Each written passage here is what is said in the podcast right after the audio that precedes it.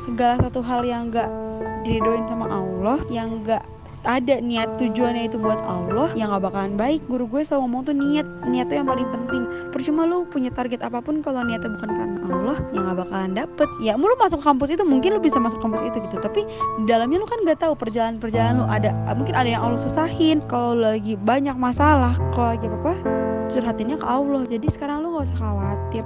Kita tuh udah dewasa kita tuh udah banyak tanggung jawab. Lu fokus gimana caranya lu dapet ridho Allah gimana caranya lu bisa bahagiain Umi sama Abi lu. Kalau lu udah punya fokus tersendiri nih udah punya fokus lillahi ta'ala itu semuanya lewat